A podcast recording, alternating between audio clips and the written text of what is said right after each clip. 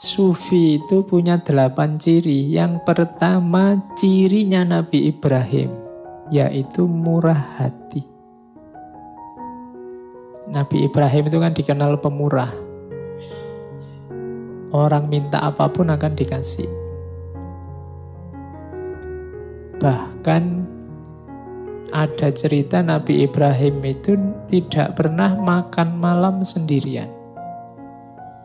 Begitu dia mau makan malam, kok tidak ada temannya, dia akan keluar rumah nyari teman. Mungkin minta tetangganya untuk menemani. Jadi beliau ini sangat pemurah. Jadi ciri sufi yang pertama murah hati. Sufi kok pelit, wis ndak usah ndak usah dicari lagi teorinya ya mesti bukan sufi. Jadi sufi itu murah hati. Kenapa sih sufi itu bisa murah hati? Karena dia sudah tidak terikat lagi dengan dunia. Jangankan ada orang minta, orang tidak minta pun kadang-kadang kalau beliau mau ya hartanya dibagi-bagi. Dikasihkan siapa yang ingin. Jadi ciri pertama itu Ciri kedua, cirinya Nabi Ismail, ridho. Sufi itu selalu ridho, selalu menerima, selalu rela apa pun ketetapan Allah atas dirinya. Tidak ada sufi kok mengeluh, sambat. Kalau kita kan terbiasa mengeluh, jangankan dapat musibah, hujan aja kan kita mengeluh. Panas juga mengeluh itu malaikat yang ngurusi cuaca mesti bingung. Ini menungso ini dikasih hujan sambat, dikasih panas sambat. Musim kemarau sambat, musim penghujan sambat. Kalau Nabi Ismail ridho, jangankan apa yang dimiliki, bahkan nyawanya sekalipun, kalau oleh Allah diminta, diberikan ikhlas. Kan kisahnya Nabi Ibrahim dapat wahyu untuk menyembelih. Dan Nabi Ismail tidak pakai mendebat bapaknya. Kalau kamu mungkin kamu ajak debat, itu Allah beneran apa? Apa buktinya? Itu mesti gitu. Kalau tidak bisa ditak kamu mesti nawar. Tapi kalau Nabi Ismail tidak. Nabi Ismail ngerti bapaknya Nabi ya. Terus kalau memang itu perintahnya Allah, ya silahkan. Ya meskipun tidak bisa ditiru, besok bapakmu tiba-tiba le, aku tadi malam mimpi, bapakmu bukan nabi. ya. Tapi ini pelajaran untuk ridho sebenarnya. Apa yang menimpamu, terimalah. Ikhlaslah. Jangan banyak mengeluh. Jadi sufi berarti ridho. Tidak ada sufi kok protes komplain. Ya Allah, aku sudah capek-capek berdoa, kok tidak dikabul-kabulkan. Tidak ada begitu sufi. Sufi selalu ridho. Yang ketiga cirinya Nabi Yakub sabar. Nah, ini kalian semua sudah tahu cerita kesabaran seorang Nabi Yakub. Dari orang konglomerat kaya raya, akhirnya jatuh miskin. Anak-anaknya meninggal semua, istrinya meninggalkan dirinya semua tinggal satu. Terus beliau kena penyakit parah yang baunya luar biasa sehingga harus diasingkan dari masyarakatnya. Tapi beliau sabar. Jadi sabar berarti kayak Ridho tadi, tidak mengeluh. Menerima semua yang ditimpakan Allah pada dirinya. Itu Nabi Yakub. Oke, yang keempat, cirinya sufi. Ini penting yang keempat ini katanya Imam Junaid apa? Mampu berkomunikasi dengan bahasa isyarat. Sufi itu punya banyak rahasia karena mereka makrifat, ngerti macam-macam. Ada banyak hal yang tidak harus disampaikan begitu saja pada masyarakat nanti banyak mafsadatnya seperti ceritanya Al-Hallaj. Maka sufi harus pinter-pinter berkomunikasi dengan bahasa simbol-simbol. Yang semacam ini pelajaran dari Nabi Zakaria. Jadi Nabi Zakaria itu tidak punya anak sampai usia 90-an. Kemudian berdoa, saking sabarnya berdoa, akhirnya dikabulkan oleh Allah ya di usia 90-an itu. Sudah sama-sama tua, istrinya juga sudah sangat tua. Begitu oleh Allah dibilang, kamu akan aku beri anak. Karena Nabi Zakaria terus tanya, buktinya apa? Buktinya adalah engkau ketika nanti berkomunikasi dengan masyarakatmu, kamu tidak bisa ngomong biasa semacam ini, tapi dengan kode-kode, dengan rumus-rumus. Illa romza.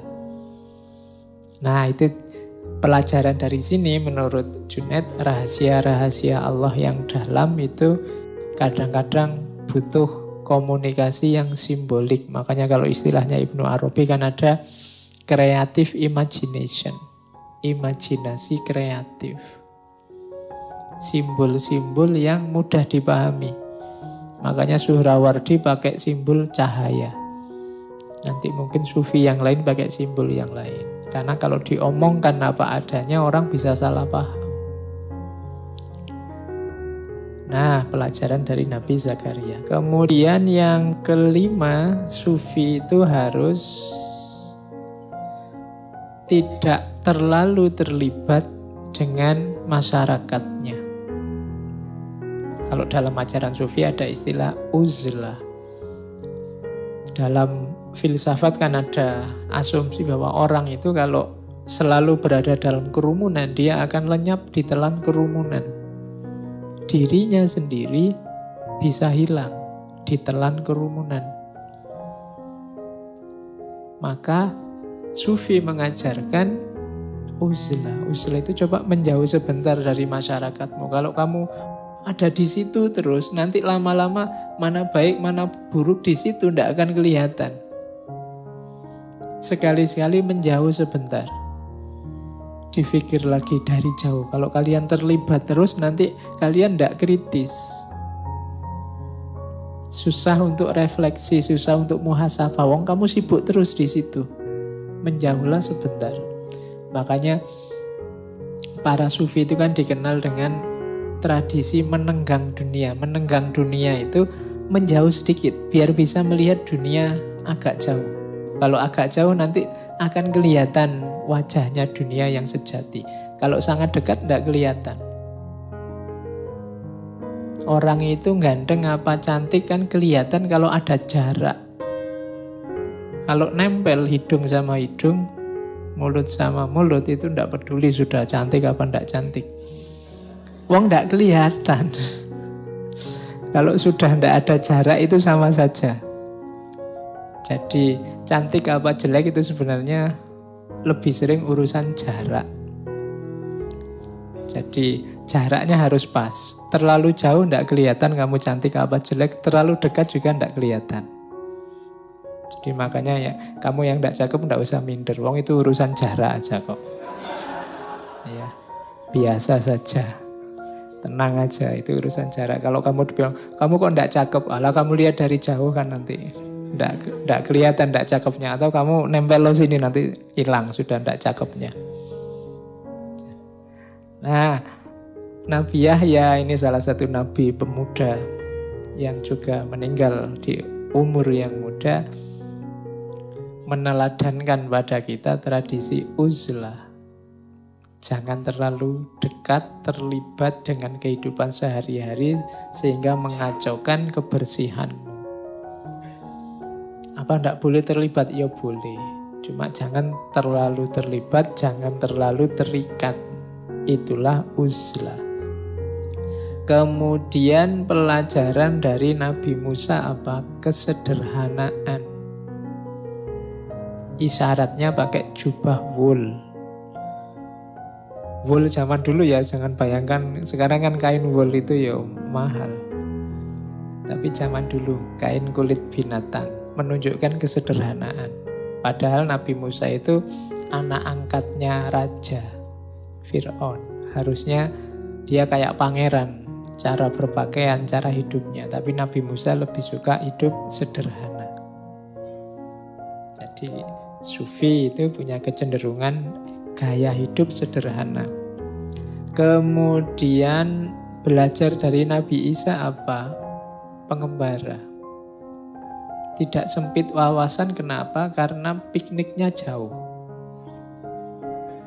Ya.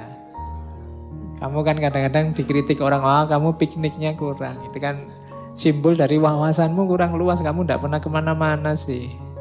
Yang kamu baca cuma itu. Masa liburan kayak gini malah ngaji.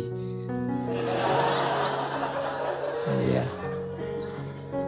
Mbok yo kalian itu rekreasi ke mana biar ngerti macem-macem. Nabi Isa itu kan kalau dibaca sejarahnya kan beliau ke mana-mana sama muridnya jalan ke mana menuju ke mana. Itu kalian tiru biar wawasannya luas. Biar ngerti macem-macem.